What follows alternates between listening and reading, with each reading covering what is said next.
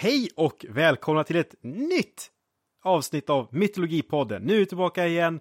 Det har gått en månad sedan sist, men nu är det äntligen dags. Och vi som har Mytologipodden, det är jag, Erik, och Det är jag, Li. så allt är som vanligt. Det känns skönt. Och det här är då vår andra säsong. Det här är femte avsnittet på andra säsongen och det är totalt avsnitt 15. Jättemånga siffror, lite rörigt och värre kommer det bli för dagens avsnitt är om Trixtern. Och det är ju ett intressant begrepp och det är du som har valt det här avsnittet, Li. Varför gjorde du det? Ja, men precis. Ja, Men Trixten är ju verkligen en sån här äh, arketyp som kommer upp hela tiden i moderna litteratursammanhang också. Ehm, och Trixten är ju en väldigt speciell sorts karaktär. Och jag tror ni kommer känna igen flera av dem som vi nämner lite senare. Det var nästan, och vi, jag tror vi droppade begreppet flera gånger första säsongen också. Så att jag bara kände att vi måste avklara Trixten så snabbt som möjligt. Och att vi gör det på avsnitt 15 är ju egentligen för sent. Men vi får, får ju sprida ut våra olika ämnen och inte bara ta olika typer av karaktärer. Men jag tänkte att säsong två, det är dags. Och som vi snackade lite om här innan vi började spela in, att det är lite så här konstigt med förberedelser, att man tar sig vatten över huvudet, det blir lite konstigt. Vi har skjutit upp det här ämnet alldeles för länge och jag tycker ju att det är helt i enighet med själva Trixten. Att det är kanske inte riktigt den röda linje som man hade tänkt sig, men man kommer dit ändå. Vi kör igång avsnittet så nästan, nästan direkt. Men jag tänkte bara börja med att säga att ett begrepp som man ofta använder på svenska om Trixten är skälmen. Men jag tycker trickster är lite lättare att säga så vi håller oss till det. Och det är väl det, är det engelska begreppet helt enkelt. Men det har blivit en försvenskning av det ordet också. Så vi håller oss till Trixten men stöter ni på ordet skälmar om ni skulle läsa om mytologi så är det samma sak. Då, då är det nästan under kontroll. Och vi ska ju som vanligt hinna med massa olika saker. Vi har valt eh, två mytologier var. Vi har lite, vi har en fråga från Nils och lite annat som vi säkert kommer komma in på. Precis. Och vet ni vad? Det är inget fornnordiskt den här gången. Nej, det var, vi reagerade väl båda två på det för ett tag sedan när vi så här, diskuterade, ja ah, men vad ska du ta för någonting, vad ska du ta för någonting? Och, och sen var det bara att konstatera att ingen tog Loke. Nej, så det var lite otippat, lite, ja, lite lurigt av oss. Lömskt på något vis kanske. ja, Ni förväntar er att, ja, nu blir det Loke, men nej, det blir det inte. Nu när du pratade det så tog jag faktiskt upp min bok Fornnordisk religion bara för att jag skulle snabbt kolla upp hur Loke definieras. eh, ja, men, men det är alltså inte honom vi ska fördjupa oss i utan vi har lite andra. Och eh, ja, är det något mer vi vill säga om Trixten innan vi kör igång? Vi kan köra igång och så säger vi mer om Trixten då. Det är alldeles utmärkt det. ja, men då så. Lite musik på det.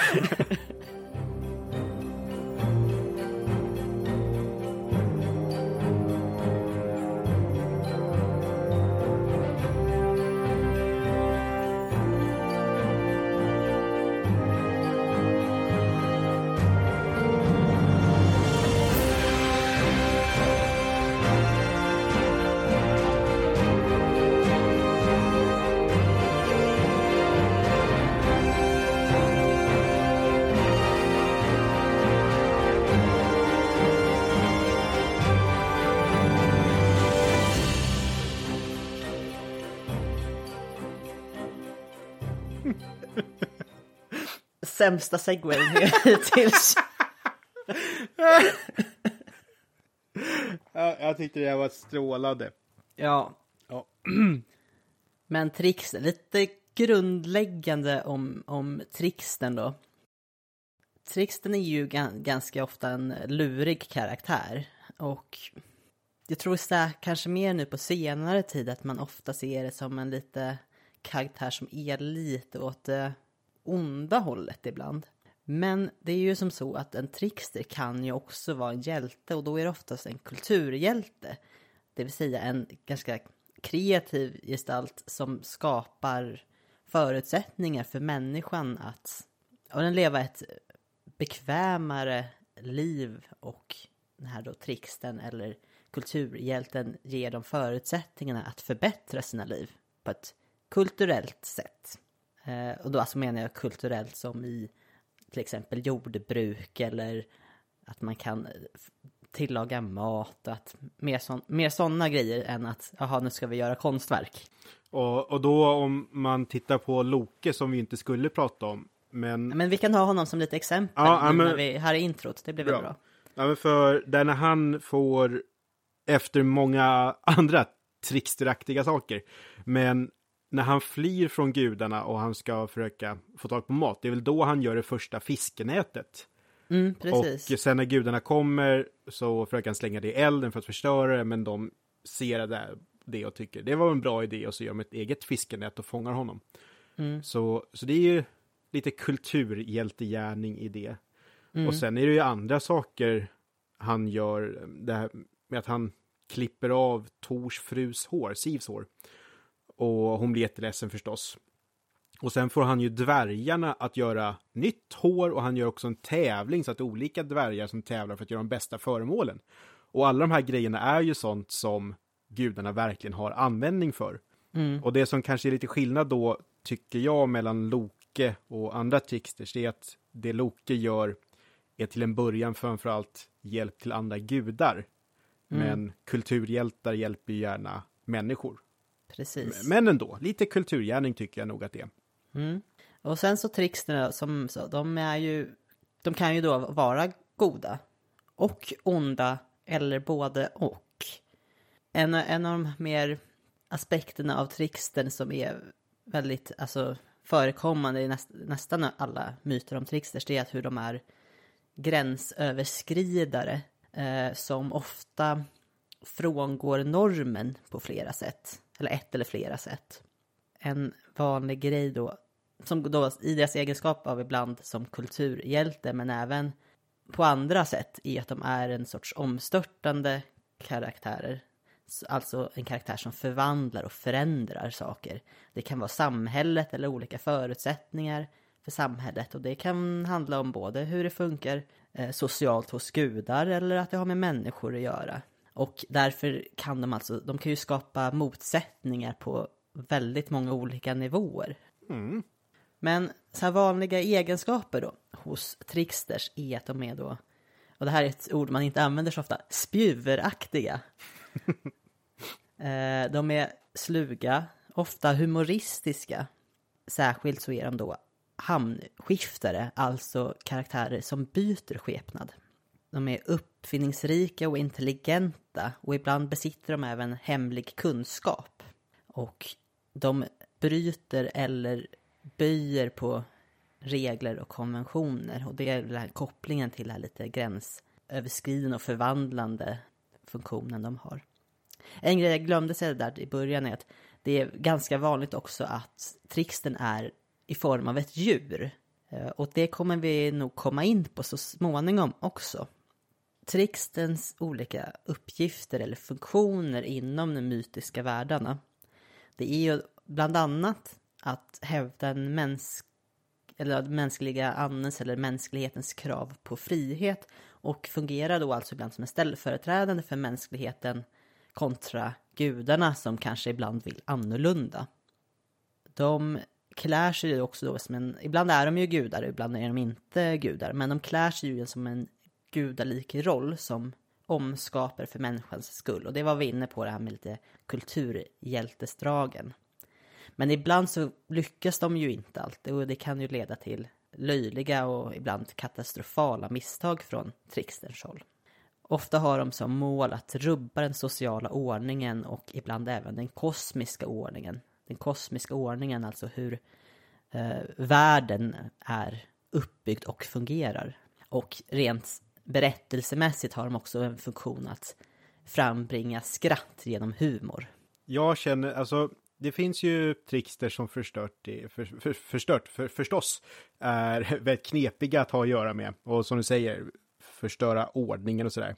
Men det känns som någon man skulle tycka var lite kul att ha som kompis. Mm. Eh, att träffa så här på en fest och så ser man, åh kolla, trickstern är här, vad roligt. Så lite besvärlig men ändå, det, det ska finnas någonting bra i de här personerna. Och det finns ju många trickster som är väldigt omtyckta också. Vi har ju pratat om karaktärer tidigare som är tricksters. Eh, framförallt i avsnittet om hjältar då vi pratade om kulturhjältar. Eh, så har vi bland annat nämnt Maui och Prometheus. Men de räknas ju då alltså som tricksters just för att de eh, lurar andra för att, eller i alla fall Maui lurar ju andra för att eh, få exempelvis eh, elden till människan. Han ville ju också lura, han lurade ju sina bröder för att få komma ut med på fisketur och så vidare. Andra vi har nämnt är ju apkungen Sun Wukong som Erik berättade om. Sen så har vi också Enki och Ea i eh, det mesopotamiska. Som ni kommer, kanske kommer ihåg var det Ea som, ska vi se att jag kommer ihåg själv. Ja, han gömde sig ju bakom en vägg och, och berättade ju för, och vem var han berättade för? Var det han som byggde arken? Ja, just det. Han berättade för, um, åh, var det Utnapishtim? Om, om vad som skulle hända, vad gudarna hade bestämt. Och så en så Loke förstås, som vi har pratat om i Gudar som straffas. Andra exempel då är ju kanske mest Hermes då från den grekiska mytologin. Som vi inte kommer prata om i det här avsnittet, men hoppas att vi kan prata om Hermes längre fram. Och sen det här med djur då, som ofta är tricksters. Så har vi bland annat korpen, coyote, vad heter det på svenska, vet du det Erik? Är det inte prärievarg? Det kanske det är ja. ja. Och så räven, haren och spindeln är också vanliga tricksters djur. Jag kan bara flika in där att jag har fått höra från en gotlänning att på, på dialekt kan man kalla spindeln för en locka. Ja, det känner jag igen. Och de spinner ju nät. Och eh, det är ju lite intressant då att Loke spinner nät. Ja, just det. Eller han spinner, han gör ett nät, men ja. Han gör ett nät. Ja, men det, känner, det där låter bekant. Det har jag nog läst någonstans. Mm. Ja, jättekul. Ja, vi kommer ju prata om tricksters nu. Vi har valt lite olika delar av världen. Jag kommer prata om två stycken gudar från Västafrika. Tricksters gudar. Och vad kommer du prata om sen, Erik? Ja, eh, jag, eh, jag vill lite hålla på det, men en, vi kan säga en europeisk och en eh, östasiatisk. Ja, vi kan... Eller, vi, vi, vi, vi nöjer oss så och jag kommer prata Ja. lite om indisk mytologi sen. Mm. Och så får ni se vad frågan i mellansnacket handlar om. Eh, Jag har bara två saker, eller var du klar så för att ge det Mm. igång? Ja, för jag har två små saker bara som jag skulle vilja lufta. Och dels är ju att vi använder ju nu begreppet trickster och i andra avsnitt har vi använt andra begrepp. Men jag tittade på en YouTube-video med eh, Religion for Breakfast och han kommenterade att det kan vara lite skadligt eller farligt att använda sådana här kategorier. Och bara, vi menar ju inte att alla tricksters är på något sätt besläktade med varandra, utan det här är då en i modern tid skapad kategori för att jämföra mytologier eller figurer från helt olika berättartraditioner. Ja men precis, Mm. och som de här, och de här, att de här karaktärerna Vissa är kulturhjältar, vissa är det inte. Mm. Så att det finns ju olika överlappningar till andra kategorier som vi i efterhand hittat på också. Mm. Så, Absolut. så det är inte någon som satt någonstans och vi behöver en trickster till historien, utan det är liksom någonting som har vuxit fram runt omkring i världen. Och som med andra typer av myter också. Så bara. Så att man har det ur världen. Ja, Sen så tänkte jag bara en liten egen sån spaning på figuren som trickster. Eller trickstern som figur. Det är ju, vi kan säga att det är lite rörigt, de kan vilja väl, idérika. Och om man jämför det, alltså vi har ju sådana personer runt omkring oss fortfarande i olika grad. Och det här är ju människor med de här egenskaperna, kanske då i mindre gudomlig skala, är ju sådana människor som har behövts för att mänskligheten ska kunna utvecklas och gå vidare. Så även om det då kan vara Loke som verkligen kan målas upp som en jätteond person eller någon som jag kommer strax komma in på en som är det stormande havet. Att Mm. om man då drar ner det här till vad människor kan åstadkomma så är det faktiskt nödvändiga egenskaper. Så Mm. Det här får mig att tänka på att jag har läst när jag, inför researchen här, eh, som jag egentligen inte tänkt att ta upp, men eh, att så här i vårt moderna samhälle så kan ju ibland så kallade internettroll kategoriseras som en sorts trickster-arketyp. Att de kommer med andra perspektiv och inte är så PK liksom. Att, det går, att de går över gränser som vi annars normalt sett inte tycker att de här gränserna ska vi gå över. Att där finns det något drag av tricksten. hmm, jag förstår vad du menar. Men jag, jag tycker själv att tricksters nog kan vara mer kreativt lagda än så. Mm. Nu vill jag inte förlämpa något internettroll där ute förstås. Jag, jag håller på att säga, risken är väl snarare att det är trickster som blir förolämpade av att bli Ja. jämförd med ett troll. Men Ja, ska vi dra igång? vi drar igång. Dun, dun, dun, dun, dun, dun, dun, dun, dun, dun, dun.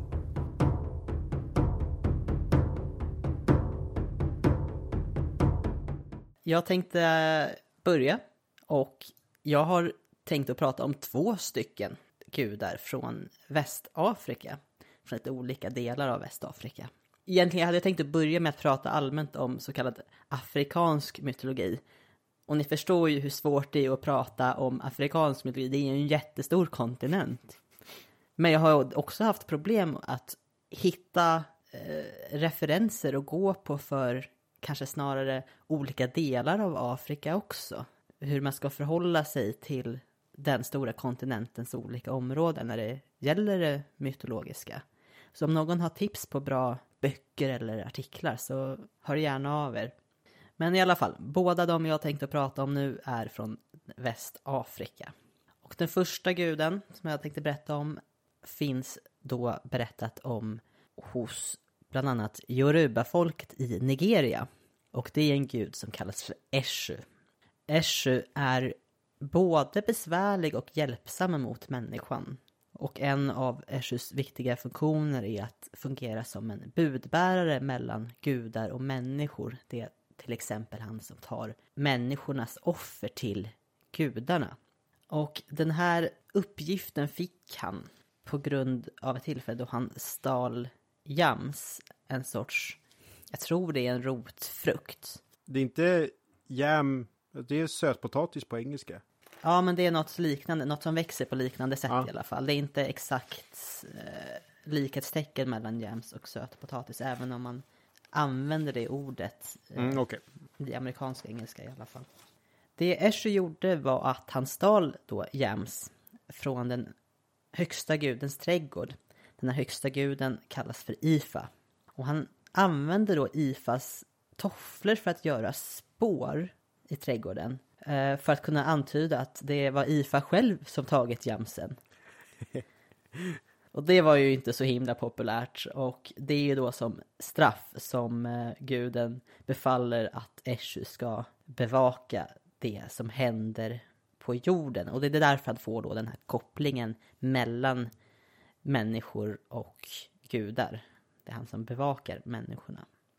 Eshu är en ganska moraliskt tvetydig, så lite svårtolkad gud. Men ändå väldigt lekfull och framförallt så behärskar han alla språk. Vilket är bra om man är en budbärare. Eshu är en gud kopplad till förändring, möjligheter och osäkerhet. En sorts kaoskraft. Ibland så paras han ju då ihop med den här guden Ifa som är ordningens gud. Och de är ihopkopplade på det sättet att den ena kan inte dö utan att den andra gör det. Eller att den andra förändras utan att den andra gör det. Så de existerar i någon sorts balans av att vara ett motsatspar. Blir den ena guden åt det ena hållet så måste den andra guden bli lite åt andra hållet så att de aldrig, de blir aldrig lika varandra. Eshu gillar förvirring och många berättelser handlar om hur han orsakar gräl mellan två olika parter. Detta gör honom oförutsägbar.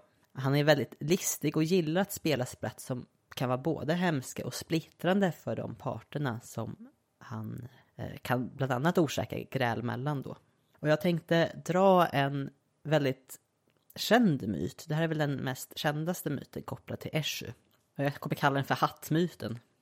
Eshu, han eh, passerar två personer som står. Det är två vänner som står. I vissa fall har jag hört att de står på två varsitt olika fält bredvid varandra. Så går Eshu förbi mitt emellan. Rakt förbi mellan de här två vännerna. På sig har han en hatt. Och den hatten, den har olika färger på varje sida. Efteråt så pratar då de här två eh, vännerna om den här mannen som gick förbi. Men de är ju inte överens om vilken färg han hade på hatten. Det som händer då är att de börjar anklaga varandra för lögn och de börjar slåss.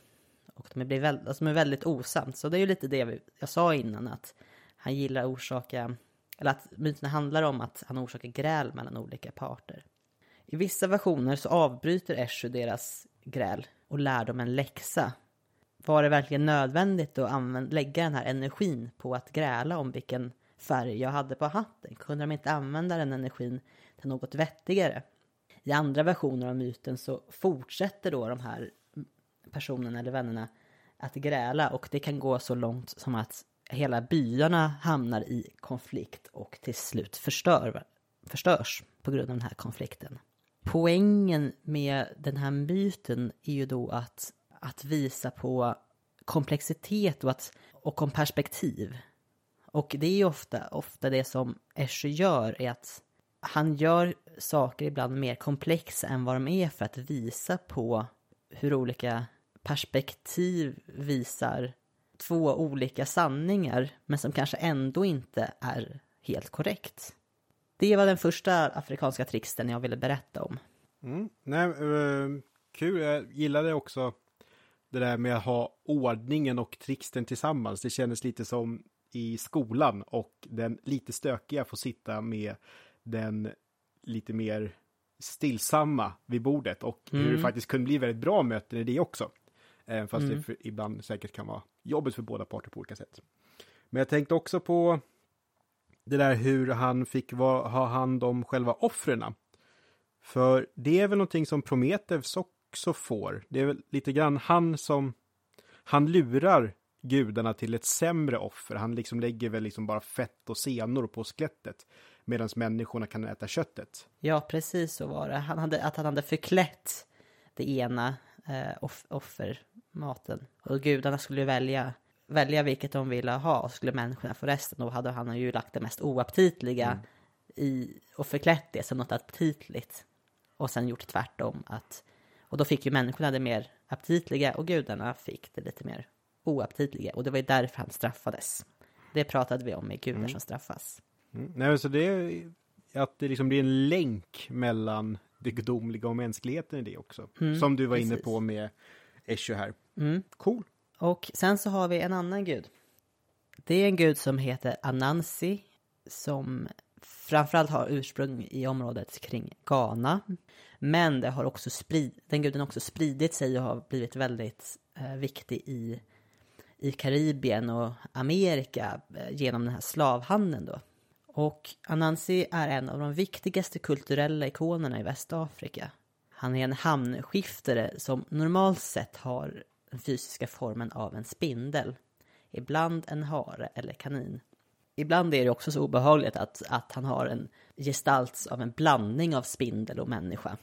Många av myterna kring Anansi är kopplade till, kring skrivkunskap, jordbruk och jakt. Alltså olika företeelser som krävs för att människan ska kunna ta hand om sig själv. Och det här har vi återigen det här kulturhjältedraget. Anansi besitter väldigt mycket insikt och intelligens och visdom. I en myt så har Anansi samlat hela världens vishet och kunskap i en kalabass för att kunna ha all denna kunskap för sig själv. En kalabass är en frukt eh, som holkas ur och används som en behållare. Utseendemässigt så den är avlång men den smalnar av så att den får som en midja så att det är väldigt, man får ett bra grepp kring den behållaren eller kan knyta ett band runt det för att kunna bära med sig. Som om man gjorde en karikatyr av ett päron? Ja, fast den är liksom, den är bred på toppen och i botten och smal i mitten. Okay, päron är ja. bara bred i botten.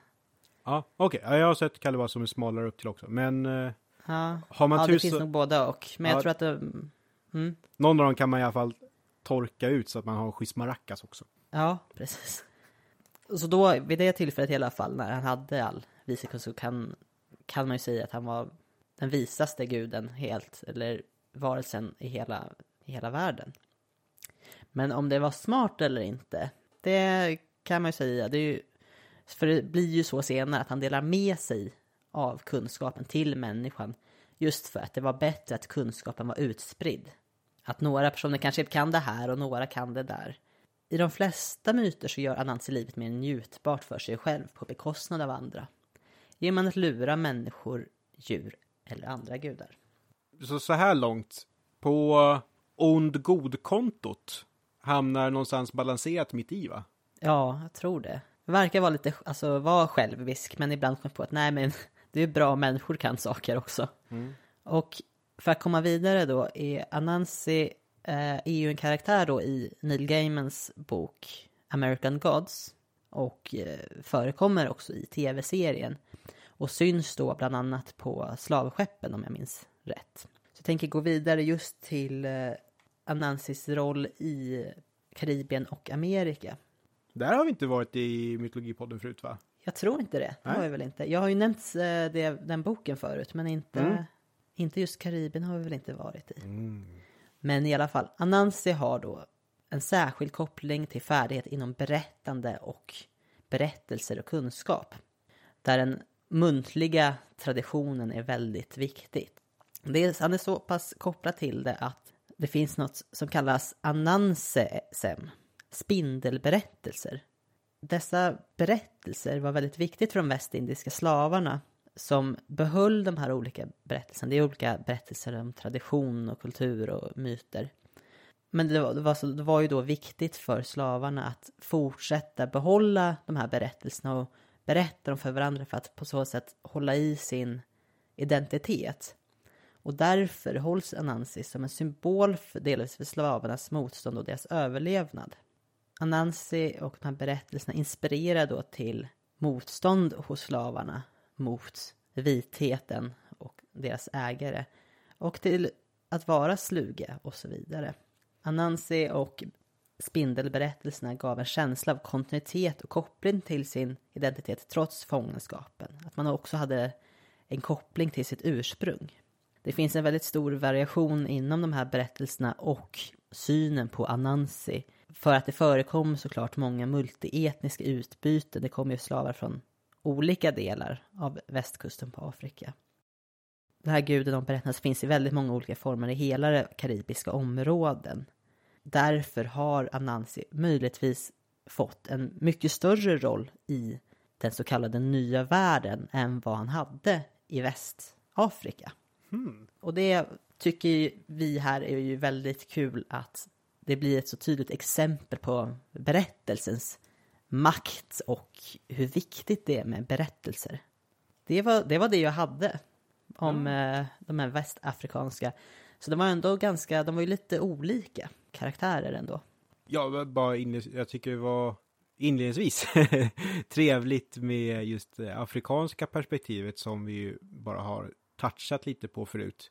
Men också intressant med just övergången till Karibien, mötet, utveckling. För det är ju sånt som i de ämnena där vi är mer in, liksom, om man tar den nordiska mytologin. Och Mm. De skrevs ner efter vikingatiden och det är kristna influenser och hej och hå. Eh, Men det är bra att du belyser just att det, det är klart att det händer i andra mytologier också. Mm. Jag tror det här med Anansi också, nu berättade jag ingen specifik myt därifrån. Eh, Men jag uppmuntrar er som lyssnar att kanske googla och leta reda på lite mer om Anansi. Som dessutom har fått väldigt många olika namn vartefter i, i Karibien och Amerika. Till exempel eh, namnet Aunt Nancy, alltså faster Nancy. Mm. Som är, blir en ljudmässig likhet. Bl- Blir det en ny version av karaktären då eller? Ja, jag har för mig det. Jag ska inte svara helt hundra. För visst var urperson, det var en manlig figur. Som jag har uppfattat det, Ja. ja. Eh, och jag vet inte om det är så att, att det kanske karaktären fortsätter vara manlig fast det är det namnet också. Okej, ja. Det vet jag inte. Mm. Så, då tog vi oss först söderut med en liten tur västerut till Karibien. Och Mm. vart ska vi nu Erik? Ja, jag tror att nu har vi fått upp farten. Det är lika bra att fortsätta västerut från Karibien, men över Amerika och över ett hav och så hamnar vi i Japan.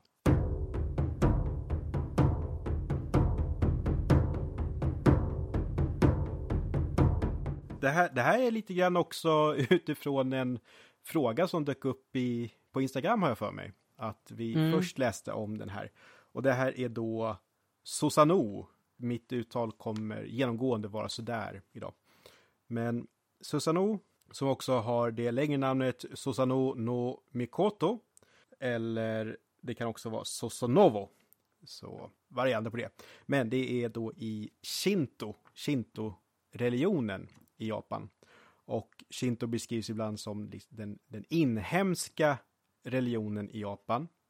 Och eh, sen så är det då buddhismen som kommer senare.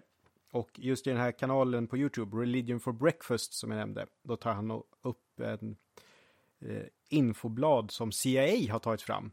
Och enligt dem så är 70,4 procent av Japans befolkning, de bekänner sig till shintoismen och 69,8 procent bekänner sig till buddhismen.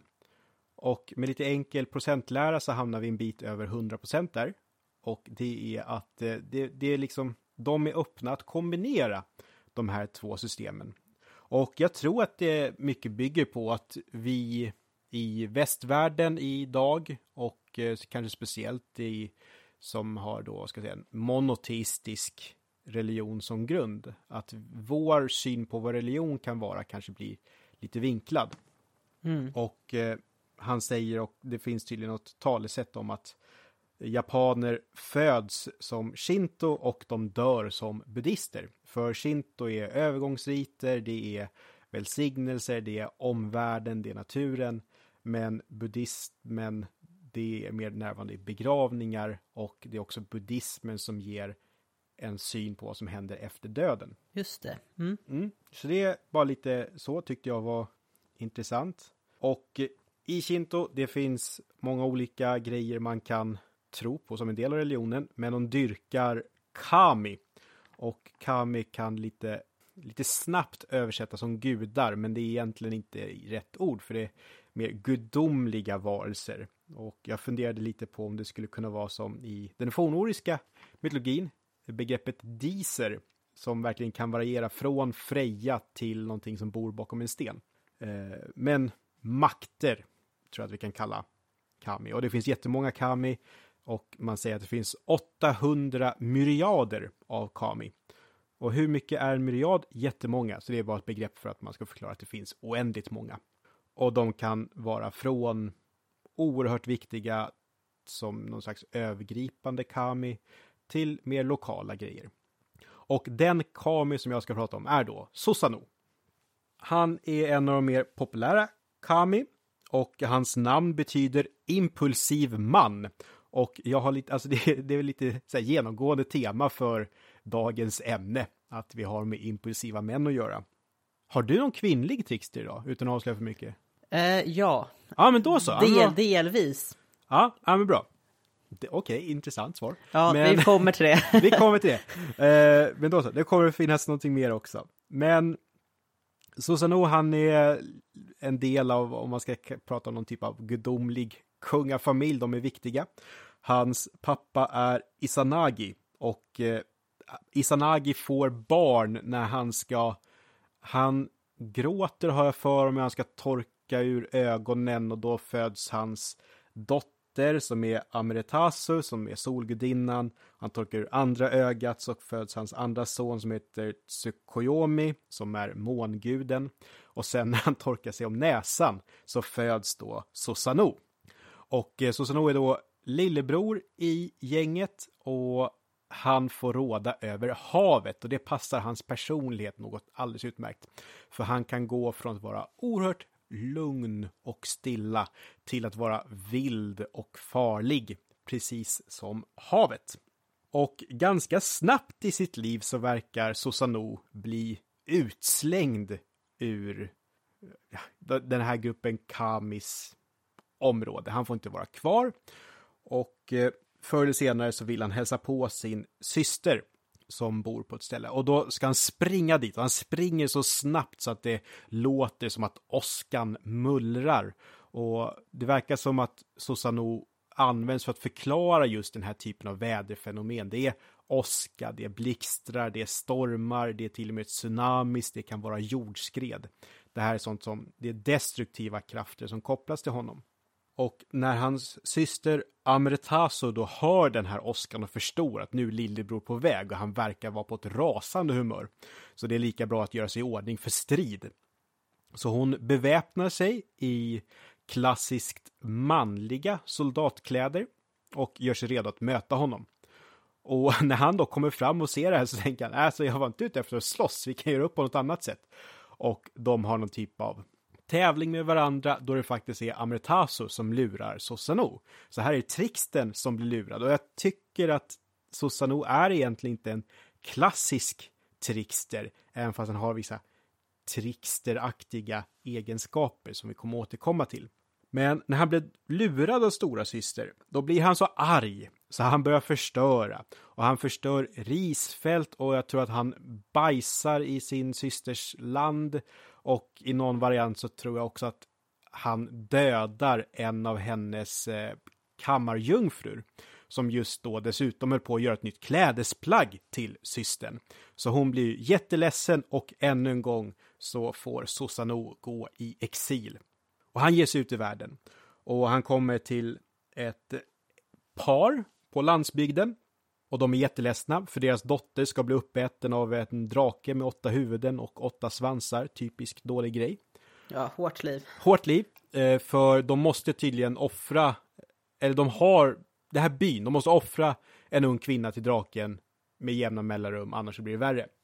Och eh, jag tror att de precis har blivit av med sin dotter. Och näst på tur är den enda unga flickan kvar i området och det är en prinsessa.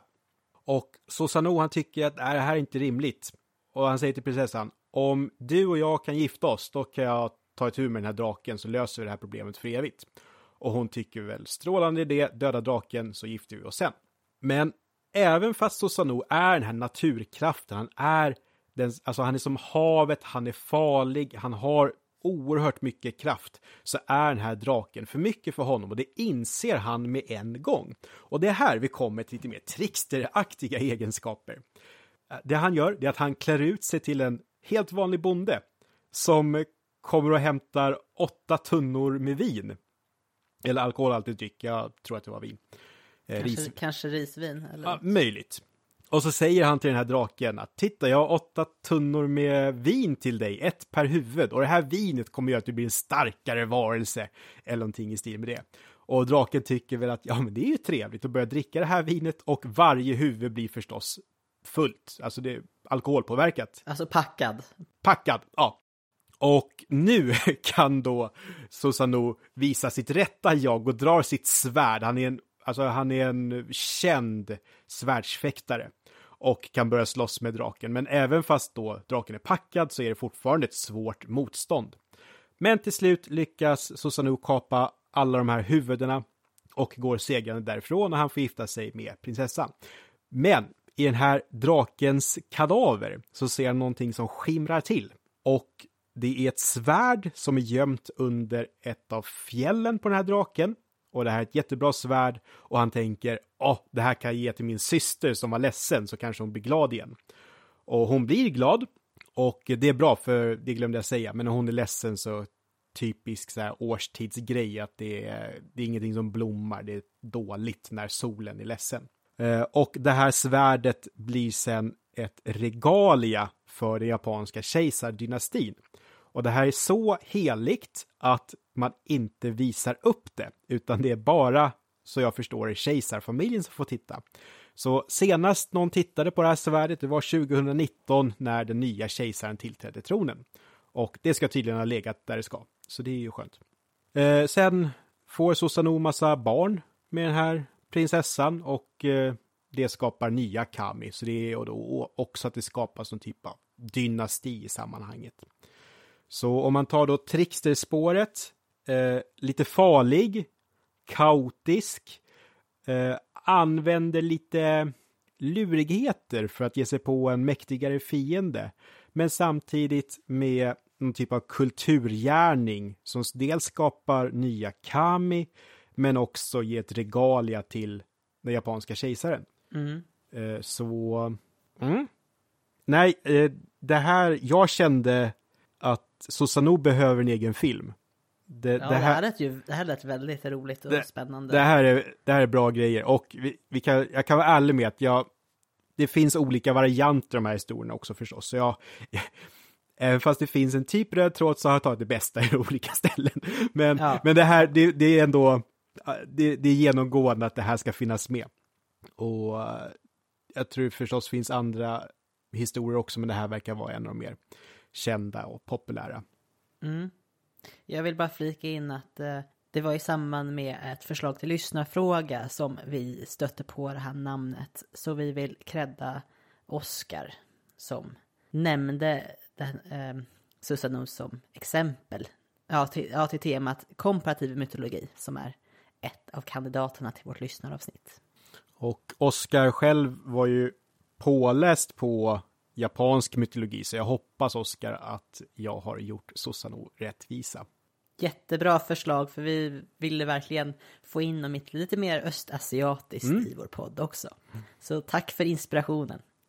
Ja, nej, det var kul att läsa om och jag fick verkligen så här superhjälte-vibbar och sen var det någon som också skrev det här, att det är så typiskt att åskgudar ska slåss med monster och sen så slåss väl alla gudar med monster i princip, men om man tar då Jupiter eller Zeus, eh, Zeus slåss mot Tyfon eh, och som har massa huvuden och grejer tror jag, massa svansar och eh, så har vi ju liksom Tor som också Tor, slåss mot monster. Så, eh, och, och återigen, det här betyder inte att de är släkt med varandra, utan det är en intressant spaning. Mm.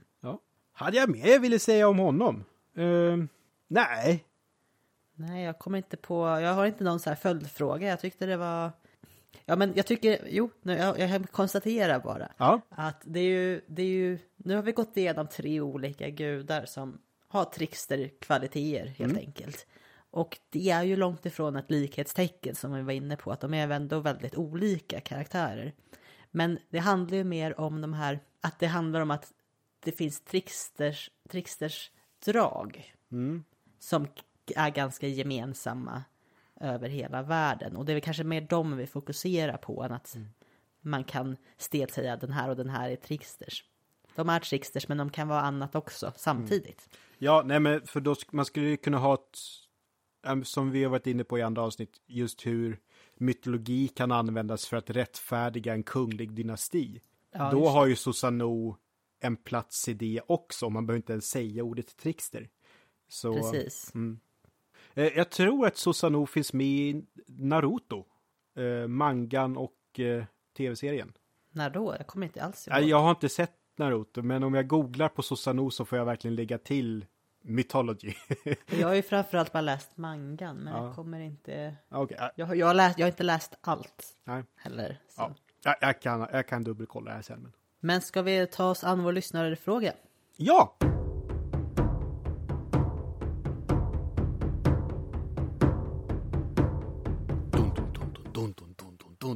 Jag behöver inte klippa in någon musik alls. Nej. Eh, man kan hyra mig till fester också, eh, så kan jag stå... Dun, dun, dun, dun, dun, dun. Eh, jag tänkte bara, innan vi tar lyssnarfrågan, ja. så, så vill jag bara återbesöka en sak från förra avsnittet. Och förra avsnittet var ju hela mellansektionen just återblickar på andra avsnitt, så det ska inte vara lika långt som det. Eh, däremot, när eh, min pappa lyssnade på Beowulf-avsnittet så skickade han en bild på, till mig på Högklint på Gotland. För vi sa ju ganska självsäkert att det inte finns något ställe på Gotland som stämmer överens med platsen där Beowulf ska bli begravd. Med den här utblicken över havet och vi ser framför oss höga klippor och grejer. Men Högklint, eh, som i närheten av Visby, där finns det absolut en hög klippa. Däremot så finns det ingen järnåldersgrav där vad jag känner till. Så. Men pappa var rädd att vi skulle få arga gotlänningar på oss. Ja, men att det finns, mycket, det finns ledtrådar i Gräslunds bok. Jag vill, orkade bara inte gå in på det. Ah, okej. Ja. Alltihop. Jag vill inte läsa, alltså, läs, läs den ifall ni är mer intresserade av just det gotländska. Man behövde inte, jag kände bara inte att vi behöver inte dra varje, varje argument från honom. ja, men då så, vad bra. Han får, det, det, det är bra att man går till den som har eh, framarbetat Ja. teorierna i första hand. Jag ville bara ge några exempel och just den där biten hade jag inte med. Nej, men då så. Då har vi under kontroll. Ja, och vi hade ju fått en Trickster-relaterad fråga för ganska länge sedan av Nils. Nils frågar i något av avsnitten så benämnde ni Loke som Trickstern. Det gjorde vi verkligen. Eh, Ett vedertaget begrepp som finns i flera mytologiska traditioner. I nordamerikansk tradition så är det en prärievarg som har en liknande roll. Ja, just det, det var Coyote det som vi pratade om. Och i västerlandet i stort så har räven fått rollen som Trickstern. Varför då? Och nämner då som exempel den fantastiska räven av Roald Dahl. Så här har vi lite utrymme att prata om djur som tricksters och specifikt räven. Och så får vi hoppas att vi kan svara på varför räven har fått den rollen eh, i så stora delar av världen. Mm. Nej, Det som det jag slogs av först när jag läste frågan, det var ur eh, Disney-klassikern Snövit och de sju dvärgarna. Och eh, de sätter igång och sjunga om att han fångade en räv en dag, men räven slank ur näven. Att, Men eh, lika glad, för det är jag, men gladast blev nog räven. Mm. så är det. Och det tyckte jag var så här, ja men det är lite så här trickster-kvalitet att liksom slinga sig undan. Precis. Jag tänkte också att för att det är liksom inte bara i mytologin utan nämnde vi den här sagan och det är alltså ju jättemycket folktro i sagor och, sa jag fabler? Nej. Men just det här med, och i populärkultur, det har liksom kommit att genomsyra hela, ja men eller för genomsyra, det, det har liksom funnits med hela tiden att räven är en trickster. Och även i språket, om vi tar i engelskan till exempel. Om man ska säga att man överlistat någon, då, har, då säger man I outfoxed that person. Så att man har ju liksom bara begreppet outfox betyder att överlista. Ja, jag tänker slug som en räv är väl ett begrepp. Mm. Ja, precis. Och vad betyder att ha en räv bakom örat? Kollar jag upp. Att vara slug och opolitlig. Ja, så att det genomsyrar väldigt mycket. Jag har skrivit ner några exempel på rävar ehm, i myter, folktro och så vidare. Och där har vi till exempel Kuma-Lisa som är en räv i ukrainsk och bulgarisk rysk folktro. Vi har Kitsune i Japan. Kitsune är ju det japanska ordet för räv. Kitsune är då en hamnskiftare, alltså som byter skepnad. Det är ofta ett kvinnligt väsen. De har, Kitsune då, den här mytologiska varelsen har, ju fler svanser den har, desto äldre och kraftfullare är de, eller visare. Och då kan det där med niosvansad räv kan man ju känna igen från Pokémon Ninetales till exempel. Kitsune tillhör ju då en grupp väsen i Japan som kallas för yokai. Yokai används oftast som ett ord för spöken och så, men det är ett samlingsnamn för många olika sorters magiska och övernaturliga väsen. Eh, Kitsune har ju också sina motsvarigheter i Kina som Hulijing, i Korea som Kumiho. De eh, ses ibland som goda, onda omen, eh, beskrivs som sluga och så vidare, men är framförallt ganska heliga, men också mystiska väsen. Så att vi har ju lite de här tricksters slugheten som kommer in där. En mer modern eller sentida vers- version av det här när man kanske mer diskuterar räven utifrån dess egenskaper är i filmen Zootopia. Där det finns en huvudkaraktär som heter, eh, eller en av två huvudkaraktärer som heter Nick Wilde och själva berättelsen går ju delvis ut på fördomar kring olika djur och så. Eh, och Nick Wilde är ju då en missförstådd räv som inte riktigt får ta så mycket plats i, eller inte har fått ta så mycket plats i samhället just på grund av tankar kring att han är opolitlig och slug och så vidare. Jag har inte sett Zootopia. Är den bra? Den är faktiskt väldigt bra. Så den kan jag se, se den. Mm. Hade du något mer om räven? Eh, alltså, jag eh, hittade att... Eh, alltså inte räven som så. Eller jo, haha, eh, jag kollade upp eh, Ebbe Sjöns eh, folktro ATÖ. Mm. Och eh, där finns räven med. Och folktro är ju inte mytologi, som vi har varit inne på förut. Men lite grann bara hur man ser på räven. Och det är, som vi har varit inne på, slug, lite opålitlig och eh, kan orsaka lite krämpor hos folk i folktron. Eh, så, så om, om en räv tittar på dig, men du inte ser det, då kan du bli hes. Och eh. Ja, och, och det finns lite andra grejer också. Då rabblar Ebbe Schön upp eh, hur man då använder räven för att bli av med krämpor. Och det var, man skulle äta rävens hjärna, man skulle äta ögonen, barn med kikhosta har fått äta rävens ister, någonting, om man stoppade in rävens morrhår i cigaretten och rökte det eller pipan, då kunde man också bli av med vissa krämpor. Så, så då har ju liksom folktron använt rävens slughet mot den istället. Aha. Eh, och det vet jag inte om det finns...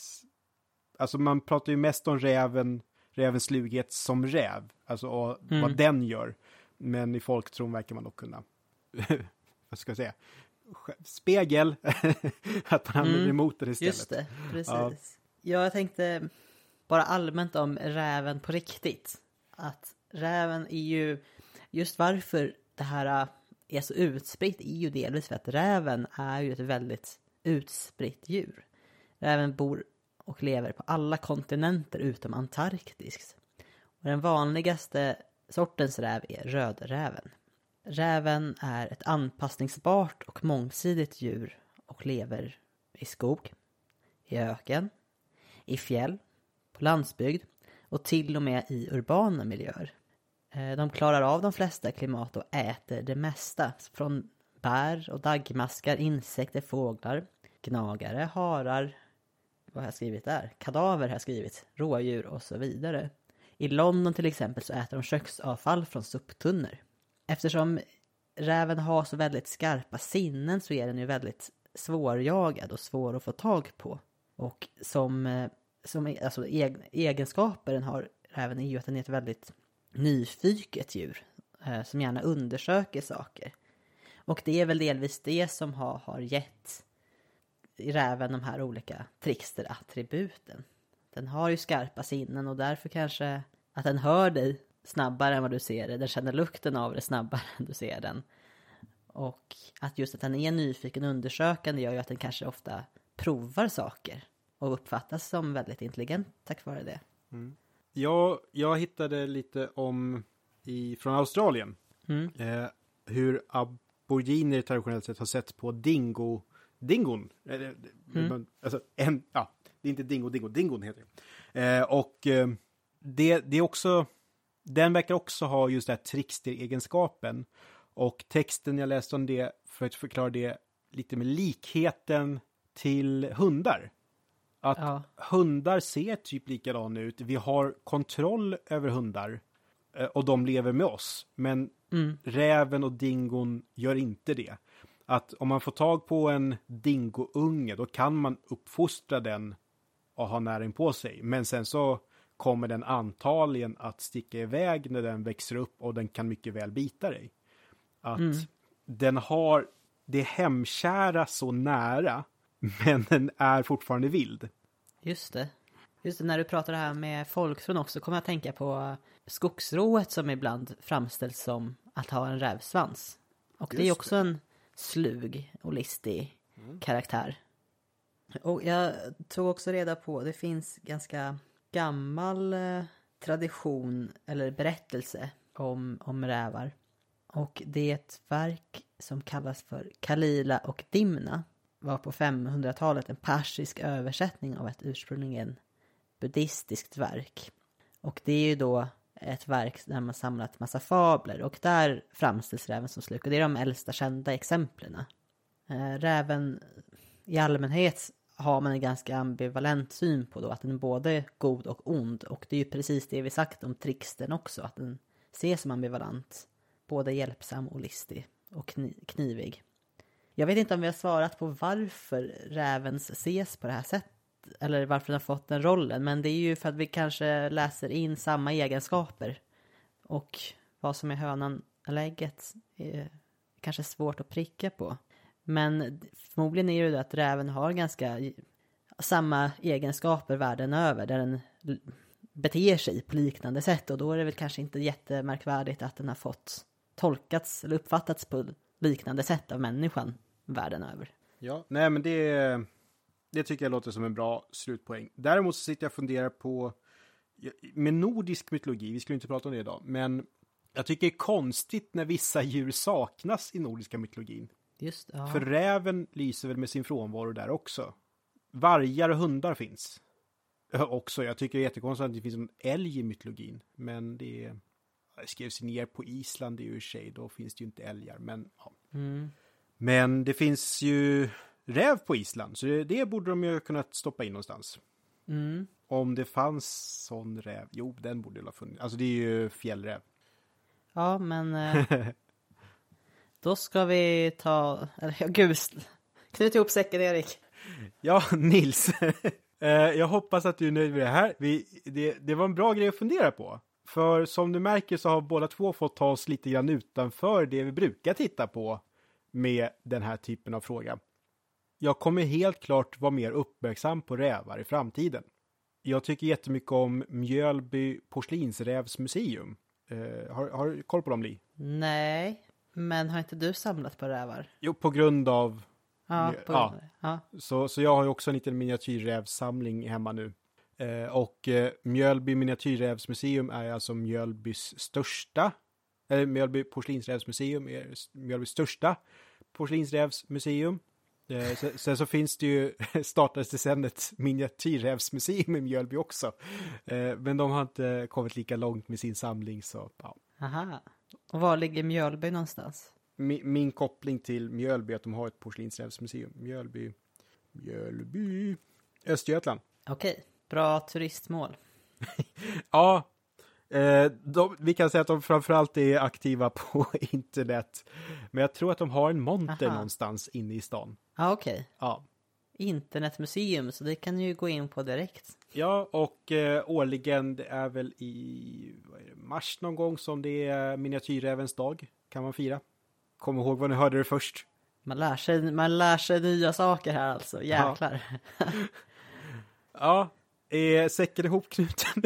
Ja, ja vi, vi går vidare. dun, dun, dun, dun, dun, dun. Herregud, det här avsnittet är så jäkla kaos.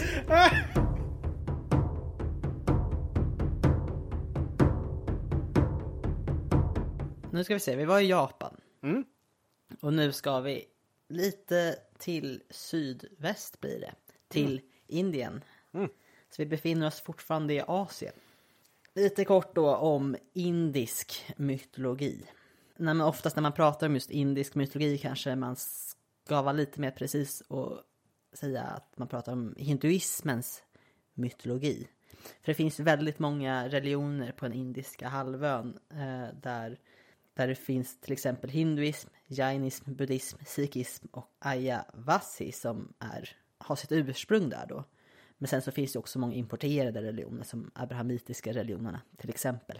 Och att det finns så mycket gör ju att det finns mycket påverkan mellan religionerna och utbyten och ihopblandning av myter och berättelser. Men hinduismens mytologi då får vi också tänka på att när vi pratar om mytologi då pratar vi om, om berättelserna för att särskilja det från religionen som handlar mer om vad man gör eh, och det religiösa. Men viktiga verk då? Och de här verken är ju viktiga verk för att man hittar de här myterna och berättelserna i dem. Men de är ju också religiöst viktiga verk för religionen. Eh, då har vi till exempel Mahabharata och Ramayana som är två poetiska verk och de två viktigaste epos, alltså de här episka berättelser skrivna på sanskrit. Deras ursprung är väl ungefär 2500 till 2700 år gamla. Så det är väldigt gamla berättelser vi pratar om här. Det är coolt. Sen har vi Purana-texter som är nästan... Jag försökte förstå exakt vad det var. Att de är lite som encyklopedier, att man slår upp saker i dem. Och att de har olika samlingar som handlar om myter eller kosmologi eh, och andra saker som inte kanske är relevanta för vår podd. Lite pseudohistoriska, ibland kan innehålla profetier och sånt om jag förstått det rätt. Som är 800 till 1600 år gamla. Sen har vi vedaskrifterna som är då religiösa texter och de är ännu äldre än alla de här. De är upp till eh, 3500 år gamla. Så att det kan ha hänt ganska mycket på, under alla de här åren. Och grejen med hinduismen är ju att det är en polyteistisk eh, religion. Och alla, det finns ju väldigt mycket gudar och det finns väldigt mycket berättelser om de här gudarna. Och i de här verken jag nämnde nu så har vi då berättelser om gudar och deras bedrifter. Eh, bedrifter i förhållande till, till människor eller till naturen. Det är berättelser om gudarnas tillkomst, världens skapelse, men även gudarnas och världens varelsernas undergång och förnyelse. Och lite kort om gudar är att de så kallade guda, goda gudarna kallas för devas. Och sen deras eh, man ska säga, motstånd eller motsats är asuras som är onda gudar eller demoner beroende på hur man ser på det. Och det finns flera trickster-liknande karaktärer i hinduismens mytologi. Och innan jag går, kommer in på den som jag särskilt ska fokusera på, fokusera på så vill jag nämna Hanuman som liksom Sun Wukong är en apgud. Och Hanuman har en särskild koppling till Rama. Och Rama är ju huvudpersonen då i eposet Ramayana. Och Rama är en av guden Vishnus avatarer, alltså en sorts förkroppsligande av en Vishnu. Hanuman, guden, Drixten, är lojal och sådana tricksterdrag han har då är att han förvandlas, är väldigt lekfull, både lite stygg och olydig, men på ett charmigt vis. Så en väldigt omtyckt gud. Sen finns en annan tricksterkaraktär, Krishna.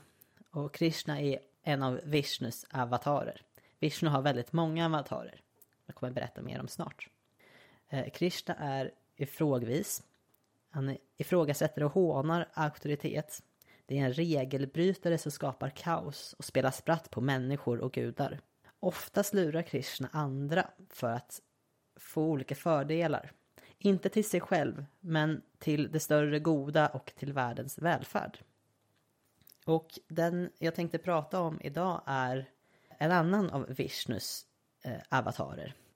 Eh, Vishnu är, först ska jag säga, en av de högsta gudarna och framställs oftast i sin Vishnu-form då med blå hy, fyra armar sittandes på en lotusblomma. Så den, det är nog bild som många har sett innan. Men den jag ska prata om är Vishnus enda kvinnliga avatar. Och det var här det kom in att delvis kvinna, för att Vishnu är ju ändå annars en manlig gud. Men hans avatar, kvinnliga avatar då, som jag ska prata om, kallas för Mohini. Eh, avatar förresten är alltså gudaväsens inkarnation i människo eller djurgestalt. Så Vishnu har ju väldigt många avatarer. Oftast när man pratar om Vishnu så refererar man till att han har tio avatarer. Men i en text som heter Bhagavata Purana så nämns att han har 22 olika. Och det är just i det här sammanhanget som Mohini då, den kvinnliga avataren, lyfts fram. Andra exempel på avatarer är då Rama och Krishna som jag nämnde innan. Och Buddha är också en av hans avatarer. Men Mohini då? Mohini introduceras i, i det här eposet Mahabharata från 200 till 300-talet. Det är det längsta poetiska verket någonsin. För att få lite uppfattning om hur långt det är så är den tio gånger så lång som Iliaden och Odysseen tillsammans. det är rejält långt. Så ja. det innehåller mycket. Okej, okay. ja. Mohini då är lite av en femme fatale. En förtrollerska och förförerska. Och använder just de här förföriska egenskaperna som vapen. Här har vi då lite gränsöverskridande och förändrande och förvandling. Och gränsöverskridande är det här för att bli det här könsmässigt gränsöverskridande. En, en karaktär som är kvinna, förkroppsligar en kvinna helt och är en kvinna när han är Mohini. Men det är ju Vishnu ändå. Mohini beskrivs som väldigt vacker och charmig. Och Vishnu tar den här formen vid flera olika tillfällen. Olika källor beskriver Mohini som antingen en sorts illusion, och det är ofta senare källor. Men vissa andra beskriver Mohini som en faktiskt förkroppsligande av Vishnu. Eh, nästan alla berättelser med henne påvisar hennes slughet. Oftast använder hon den här slugheten för att besegra Asuras, alltså de här, nu säger jag onda gudarna eller eh, demonerna. Besegra dem eller leda dem till någon sorts undergång. Lite, lite kul med, med Asuras just det att ordet Asura har en språklig koppling till asar. Och det blir ju lite extra kul med, med att Asuras och Devas har, har ju som ett att det, det, finns ett motstånd mellan och jag kan, jag kan inte låta bli att tänka på asar mot jättar till exempel eller andra sådana indelningar. Så nu fick vi in lite nordiskt också. Ja men se det, wow! Det, det här måste jag snöa in på sen. Ja, det får du kolla upp. Eh, I en myt eller berättelse så förvandlar sig Vishnu till Mohini för att besegra en Asura som har lyckats lura till sig en eh, makt från Shiva. En makt där den här Asuran kan döda vem den än behagar genom att lägga sin hand på sin ja, utvalda motståndare. Och den här eh, Asuran som heter Basmasur lägger sin hand på dig så blir du till aska och dör.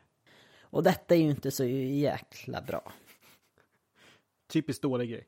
Ja, det är ju Shiva som har gett den här äh, Asuran den här, jag vet inte, jag kan inte, man ska kalla det för verktyg, men gett någon den här förmågan. Och nu så vill ju den här Asuran lägga sin hand på Shiva för att förgöra Shiva. Mm. Jag minns inte om Shiva eh, bad om hjälp. Ja, Shiva bad om hjälp från Vishnu och det är därför Vishnu förvandlar sig till Mohini. Och Mohini ska då försöka besegra den här eh, Asuran då, Basmasur. Och Basmasur ser ju då en väldigt vacker, attraktiv kvinna. Um, som man blir lite så här uh, förälskad i. Och um, Basmasur då frågar om Mohini vill gifta sig med honom. Ja, och Mohini då kräver då för att om de ska göra detta, då måste Basmasur imitera hennes dans. Så hon börjar dansa och Basmasur imiterar dansen. Hon fortsätter dansa och dansa och till slut mitt i dan under dansen så placerar Mohini sin hand uppe på sitt huvud. Och Basmasur imiterar såklart rörelsen och lägger sin hand på huvudet. Och Smart. ni förstår ju redan nu vad som har hänt. Han har förgört sig själv. Det är coolt. Det är väldigt, det är väldigt lustigt. Ja. Så att det är ju liksom inte någon sexuell liksom sån förförisk handling Nej. utan det är bara titta på mig och liksom på något sätt ja. styr på det sättet, använder det till sin fördel på ett listigt och sen använder sin list för att ja, men få, få den här demonen eller att imitera henne av ren ja, men dumhetsförälskelse. Sen är det också så att vi senare, något annat tillfälle så är det ju så att även Shiva blir ju förälskad i Mohini också och nu kommer jag inte ihåg, men det, det skedde väl någon sorts övergrepp så att det, upp, det blir ju ett barn där också som är viktig i andra berättelser. Jag hade aldrig hört talas om Mohini innan och jag fick leta lite för att hitta en, ett kvinnligt exempel på en, eh, på en trickster. Så att det, ja, det var det. Var det. Mm. Nej, och där, jag tycker tricksterserna har gärna det runt omkring sig att det ska vara ett kaos, det ska vara lite ogenomtänkt, det ska vara lite ojsan hoppsan. Mm. Men, men här är det ju en person som på ett trickstervis ändå väldigt genomtänkt mm. blir av med fienden. Precis. Det är väldigt avsiktligt vad som ska hända. Mm. Och också jag tänkte på hur tricksters ofta målas upp som någon typ av outsider. Vi har Loke, vi har Susanoo som är så här bannlyst om och om igen. Ja, Men hur ja. det här faktiskt är Vishnu. Ja, precis. Det är en av de viktigaste karaktärerna. Mm. Och som jag sa, även Krishna var ju en avatar av, av Vishnu. Eh, som också har trickster-egenskaper. Mm. Ja, det är även den här avataren Mohini som, eh, som på något sätt eh, lurar Asuras och stjäl någon sorts odödlighetsnektar från dem. Som då gör att Devas, alltså gudarna, blir odödliga de också. Så väldigt viktig faktiskt. Mm. Och jag har också förstått att Mohini är ganska populär också eh, i olika delar av Indien. Ja, jag tänker just det här liksom mainstream hinduismen vi kan nå av, nås av här. Alltså, jag har ju aldrig talas om den här förut. Inte jag heller. Utan det är Vishnu, det är Krishna, det är Ganesh om man har tur. Ja, Och sen så tar det lite stopp. Men det här var ju superintressant. Ja, tack för den. tack själv höll jag på att säga. Varsågod. Det är just det här med, jag tror att det här med hinduistisk mytologi eller indisk mytologi om man ska baka in de olika varianter som finns. Det är så extremt brett och stort. Men det känns jättekul att få fått in nu för vi har ju ändå i vår podcast omslagsbild en hinduistisk gud i form av Kali. Mm, just det. Ja, och, och sen, ja men du säger, det finns så mycket och sen det sjuka tidsperspektivet. Ja, Att de här texterna, vad var det du sa, 3000 år gamla? ja den äldsta Ja. det är också i till viss grad fortfarande levande. De här många av gudarna är fortfarande relevanta eh, i delar av Indien. Ja, nej men för jag tänker liksom perspektivet då mot skandinavisk historia. 3000 år sedan, då är det bronsålderns hällristningar.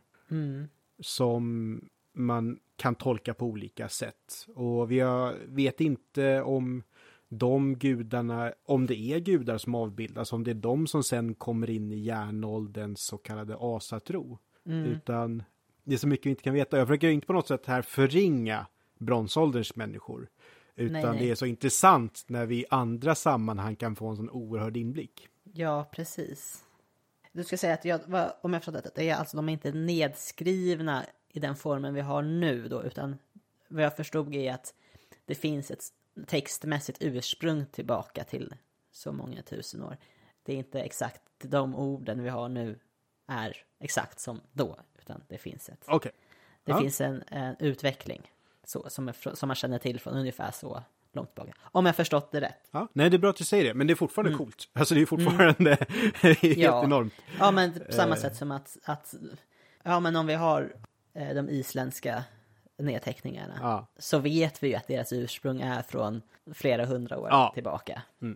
Det är motsvarande det sättet att se på. Mm. Ja, då har vi vår sista del.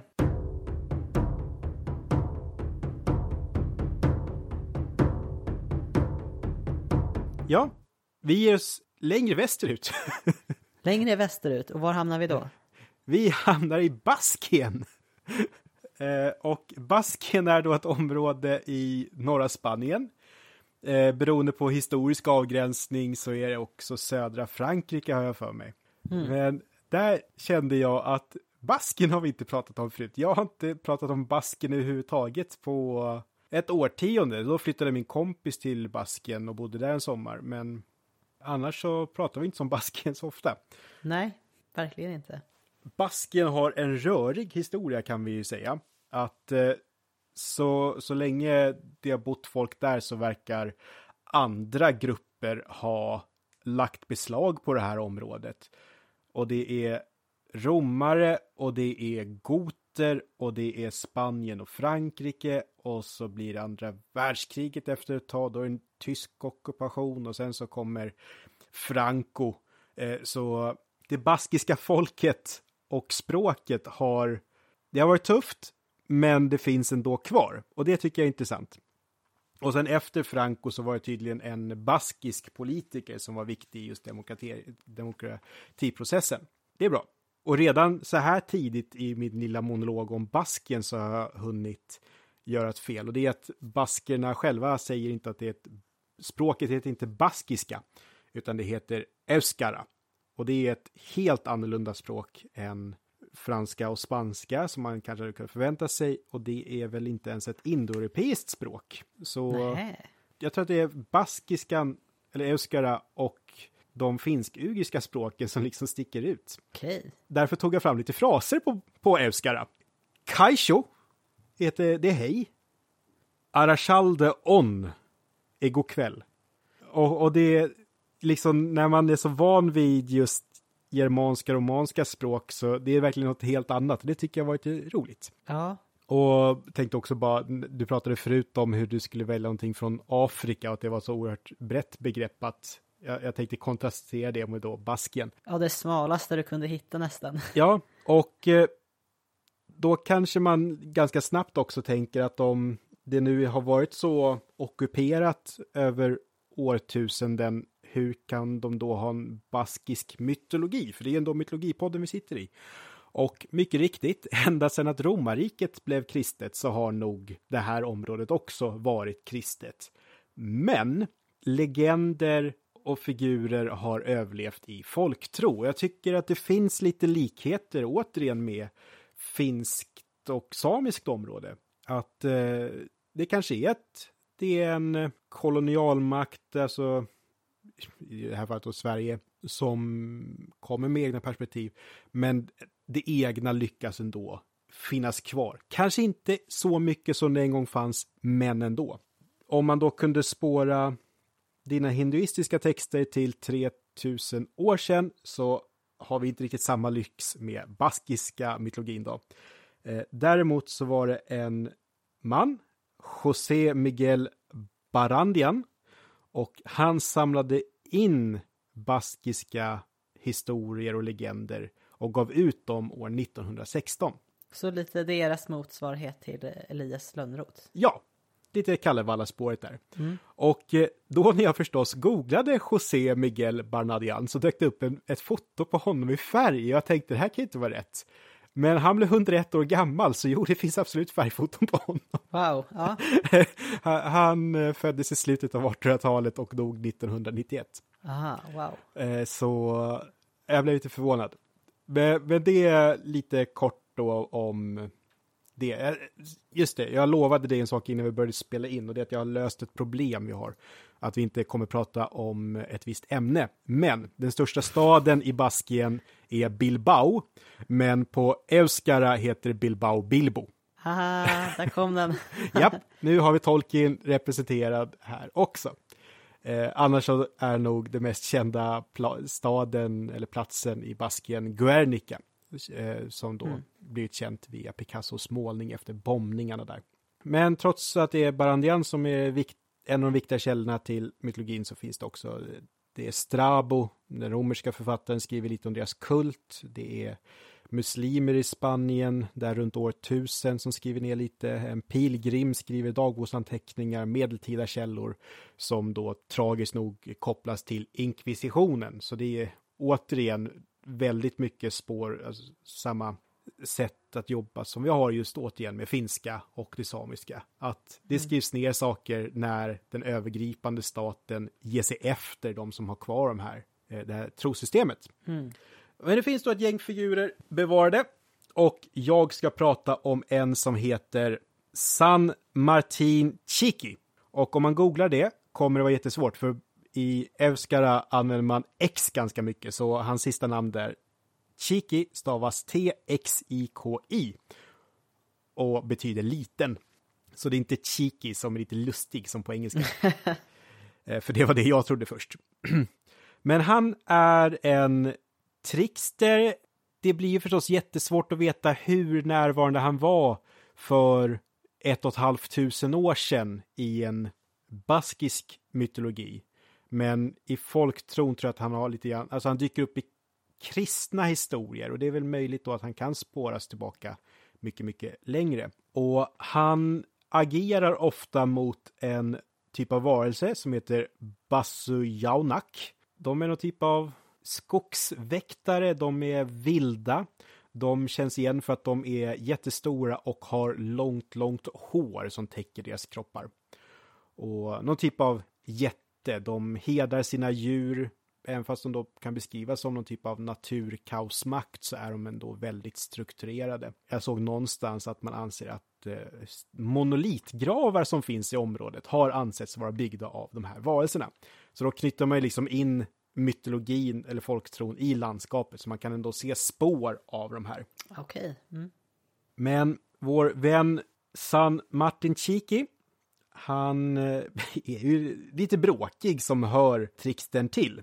Till exempel är det en historia om hur han då utmanar en av de här skogsherdarna. För de har stora högar med gryn som man då skulle kunna odla eller laga mat av. Och han vill ha det här grynet. Han säger att om jag kan hoppa över grynet, era grynhögar, vackrare än vad ni gör, då får jag behålla allt. Och de här jättarna säger, du är pytteliten, du, du kan ju inte hoppa över. Men okej, vi kan ha den här tävlingen. Jag vet inte riktigt vad det är de skulle få ut av den om de vinner. Men de hoppar över och det är så graciöst och de, de rör inte ens toppen av de här högarna och liksom, de gjorde det bra. Och sen hoppar Chiki och han kraschar rakt ner i grinhögen och förlorar förstås. Men han har haft på sig jättestora kängor så de fylls av gryn. Så han går därifrån så får han med sig gryn som han kan dela med sig till människorna. Ah. Och ger då eh, jordbruket till dem. Ja, där har vi den här kulturhjältegärningen också. Precis, och, och det, han är verkligen en kulturhjälte. För det är någon annan gång, återigen de här stackars skogshedarna de utmanar varandra, så här, vem kan uppfinna sågen först? Konstig tävling. Och eh, de börjar jobba och sen så frågar då jätten, har du lyckats uppfinna sågen än? Ja, men självklart har jag uppfunnit sågen. Men han har inte gjort någonting alls egentligen. Och då blir jätten, eller den heden, lite förvånad och säger, jaha, har du också sett hur ett eh, kastanjeblad ser ut? För det är då lite sågtandat längs kanten. Och det ger en då Chiki tillräckligt mycket inspiration för att sen gå hem och göra en egen såg i järn. Ah. Eh, så han liksom lurar eller får fram den här kunskapen ändå. Och sen då när den här skogsheden ska tjuvkika på natten och se vad är det för såg han uppfunnit egentligen? Då ser han, jo men den finns ju där mycket riktigt. Så han försöker böja sönder den, så han vrider tänderna på den här sågen åt varsitt håll. Men det gör ju bara sågen ännu bättre. Det är så en faktisk såg ser ut idag. Att sågtänderna går lite omlott på varandra. Mm. Eh, så Chiki, vi vet nog inte hur han passar in i en gudavärld. Men i de historier vi kan ta del av så finns han absolut och det går inte att säga någonting annat än att han är en trickster. Eh, jag får lite bilden av i avsnittet eh, där jag pratade om Stalo i samisk mytologi. Ja, vad sa du då? Ja, men då är det de här lite, de beskrivs i texterna som lite så här korkade jättar och så är det barn som lurar dem till att sluta vara ett hot. Just det. Och eh, de här skogshedarna i det baskiska, de är ju egentligen inte korkade, men de representerar ändå någon typ av vildhet, de är mycket större och även fast Chiki är så pass liten så kan han övervinna dem. Så jag kan också tänka mig att det kan fylla någon typ av sensmoral i det här också. Att det, det är bra att vara klipsk. Eller Precis, få ja. ut kunskap. Eller, ja. ja. Eh, störst behöver inte betyda att man är bäst. Nej, exakt. Mm. Ja, sen så kan jag väl bara säga att eh, jag som inte kan spanska eller euskara har ju förstås haft lite svårt att ta till mig någon typ av originalkälla för det här. Däremot så har jag hittat en amerikan, alltså i USA, vars mor har baskisk bakgrund. Så den här har då snöat in och eh, snöat in, blivit jätteintresserad och eh, delar med sig av den kunskap hen hittar. Jag kan vara öppen med att det då, inte att jag suttit med ett verk nödvändigtvis, utan det här är en person jag helt enkelt får lita på. Eh, mm någon annan sida på internet jag använde hade faktiskt, där stod det ganska tydligt att det var översatt från en spansk bok, så det tar jag väl med lite mindre nypa salt, men ändå, bara så att det är sagt. Mm. Jag tror San Martin Chiqui hade godkänt att jag tar en genväg för den här typen av kunskap. Jag lovar, jag har inte suttit och läst eh, Världens längsta bok. Världens längsta poetiska verk inför det här heller. Nej, men då så, det känns tryggt. Nej, också då, eh, bara det som gör att jag tar det här nypa salt. Det här baskiska, amerikansk-baskiska hemsidan. För hela slutar med någon typ av teori om att San Marti Chiki skulle vara inspirerad av nordiska Tor. För att de överlistar jättar. Och ja, jag tyckte det finns nog andra teorier jag skulle tycka kändes närmare till hans. Kanske Men, det. Ja. Men, men baskiska området är ju intressant och det kommer jag ihåg redan när vi läste arkeologiska grundkursen, arkeologi 1. Då poängterade då Anders att liksom redan på stenåldern kan man väl se att det baskiska området gör saker lite annorlunda. Ja, just det, gud, jag har helt glömt. Men det stämmer ju att, att han sa det. Ja, nej, men, Så jag vet inte att- om det stämmer rent arkeologiskt, men Nej, han sa det i alla fall. Han sa det. det här är muntlig tradition på hög nivå. ja, Ja, men det är jättekul att man kan hitta ändå så här um, otippade saker relativt nära. ja, Vi, vi kallar Europa för nära i alla fall. man kan ha ortnamn för att forska på baskisk mytologi också. Vilket ju också är intressant då med kopplingen till vårt nordeuropeiska. Att hur vi kan använda ortnamn för att se hur kulten varit spridd. Just det. Mm. Men det här var Tricksters alltså. Ja, Vi har känt oss lite förvirrade. Det hade Trickstersna gillat. ja, Att de är svåra, alltså de är, de är ju, nu har vi kanske inte riktigt fastnat i, i det här eh, humoristiska av dem, men de är ju, det är ju väldigt roligt när man läser berättelser med Tricksters för att, ja men de ställer saker lite på sin spets och det blir märkliga situationer helt enkelt. Det kan vara rätt mycket komik i det. ja man, och där, man ska nog inte underskatta just det muntliga i hur det här har berättats. Exakt. För då om man har en berättartradition som kan bli världens längsta bok, då behövs det ibland någonting som lättar upp stämningen. ja. oh ja. Eh, Så, ja, jag har en spaning som jag tänkte ta. Ja men ta den. Är Oden en trickster? Jag skulle säga att det är han också. Mm. Just för att då belysa hur begreppet kan användas stort och smått. Precis. För Oden, han sammanfattar den äldre mannen, han är ledare, han är typ kung och det är kunskap. Men han gör ju konstiga saker också. Mm. Ja Eh, men verkligen. Jag tänker på i Harbard, eh, om Harbard, hur han bara, han roastar ju Tor i flera verser och bara vägrar låta honom komma över ett vatten. Det är ju en modern kategori som funkat att, på att applicera i olika Ja. sammanhang. Ja, att, att karaktärer är inte bara en sak. De är flera. Mm. Men eh, det känns bra att vi ändå gått igenom trickster-begreppet. Och att, för att det kommer komma så många gånger. Så då säger vi trickster nu så kan vi referera tillbaka till det här och se lite på ja, men hur jämförs det med de här grejerna vi har tagit upp och så vidare. Vi vill gärna höra av från er ifall ni har några tankar eller favoritmyter med Tricksters. Hör gärna av er om ni har övriga frågor och reflektioner om mytologi. Och om du själv gör något mytologiskt, jag inte vad det kan vara. Man, för jag tänkte när jag cyklar, jag cyklar förbi en Tor-staty på väg till jobbet varje morgon. Och då har jag tänkt så här, det här är lite mytologi-måndag när jag cyklar förbi den Tor-statyn. Så, så kanske om man ser något sånt så kan man ju tagg, liksom hashtag mytologi-måndag. Ja, gör det. Så att massa mytologi i vardagen och så, ja, och gärna på måndagar. Mm. Eh, så kanske så vi lyfter upp det på vår egen Instagram-sida. Och eh, ja, andra mytologitips. Sen så här brukar vi också hinta lite om vad vi ska prata om nästa gång. Men nu är det så att vi två har ingen aning om vad vi kommer prata om nästa gång. För det är ett lyssnaravsnitt. Så att det är ni som lyssnar som kommer välja. Och nu när ni hör det här avsnittet så är det sista dagen att rösta på vilket ämne det ska vara.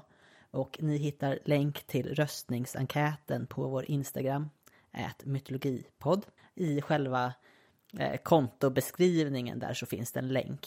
Och ni kan också gå in på vår Facebook-sida, mytologipodden.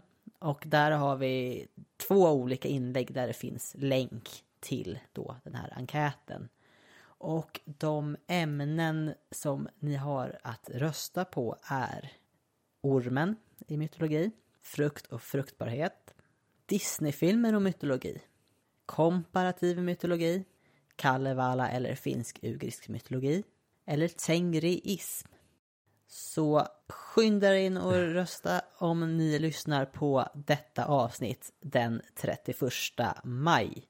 Den 1 juni så kommer vi stänga omröstningen och börja förbereda oss för lyssnaravsnittet. Och, och, bara för att det har ett sista datum betyder, alltså vi kommer ju fortsätta ha lyssnarfrågor i fortsättningen. Så om du sen kommer på någonting då andra juni, ja men jag vill ju höra om det här, skicka in det. det. Det kanske dyker upp i augusti istället, vem vet?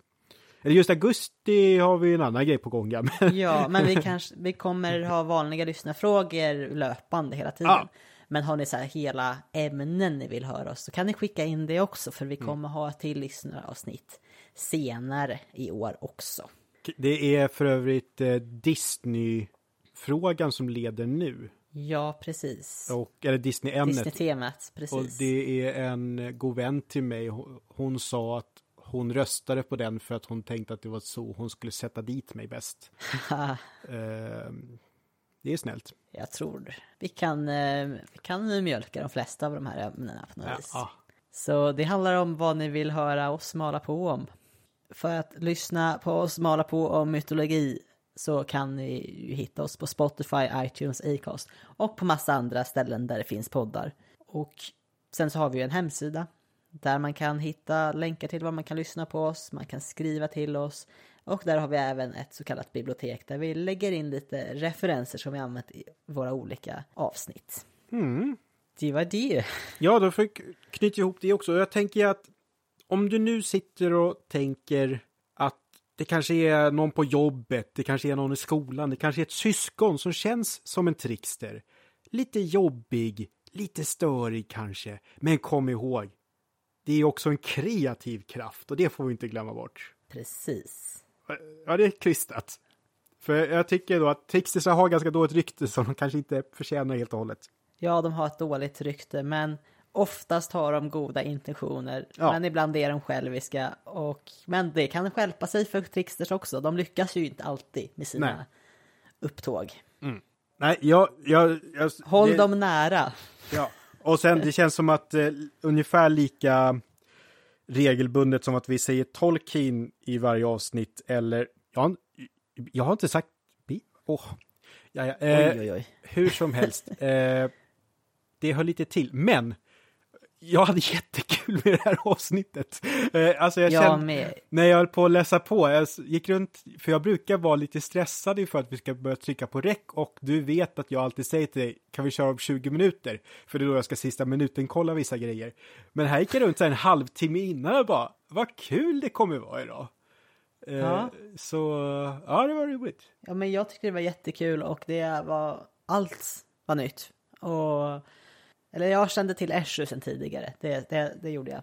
Men det, ja, jag är nöjd med att vi har lyckats sprida ut oss geografiskt mycket mm. bättre i det här avsnittet än vad vi gjort eh, många tidigare gånger. Och jag hoppas verkligen att ni som lyssnar tycker att, att det är roligt när vi gör det också. Kan jag säga att det inte alls var planerat att vi faktiskt lyckades hålla oss på en linje västerut hela varvet runt. Nej, det var det inte. Alltså, Men det är kul. Vi det blev ett varv några... runt jorden. Ja, vi missar ju några grader nord och syd där på väg tillbaka, men vi tog faktiskt i princip ett helt varv. Mm, med tanke på att vi har spenderat ganska mycket norrut i Skandinavien och söderut eh, typ Polynesien så tycker jag ändå mm. att vi börjar liksom fånga, om, fånga in hela världen nu. Jag tänkte också lite inför framtiden. I slutet av sommaren kommer det hända lite annorlunda speciella grejer och sen har vi fler samarbeten planerade in på hösten. Men ni får veta mer om det längre fram, så håll ut och lyssna, lyssna för uppdateringar. Men då är, då är vi klara. Då är vi klara. Ha det så bra, vi hörs. Ha det bra, vi hörs. Och ni lyssnar. Eller något. dun, dun, dun, dun, dun, dun. kan jag trycka på stopp nu? Ja.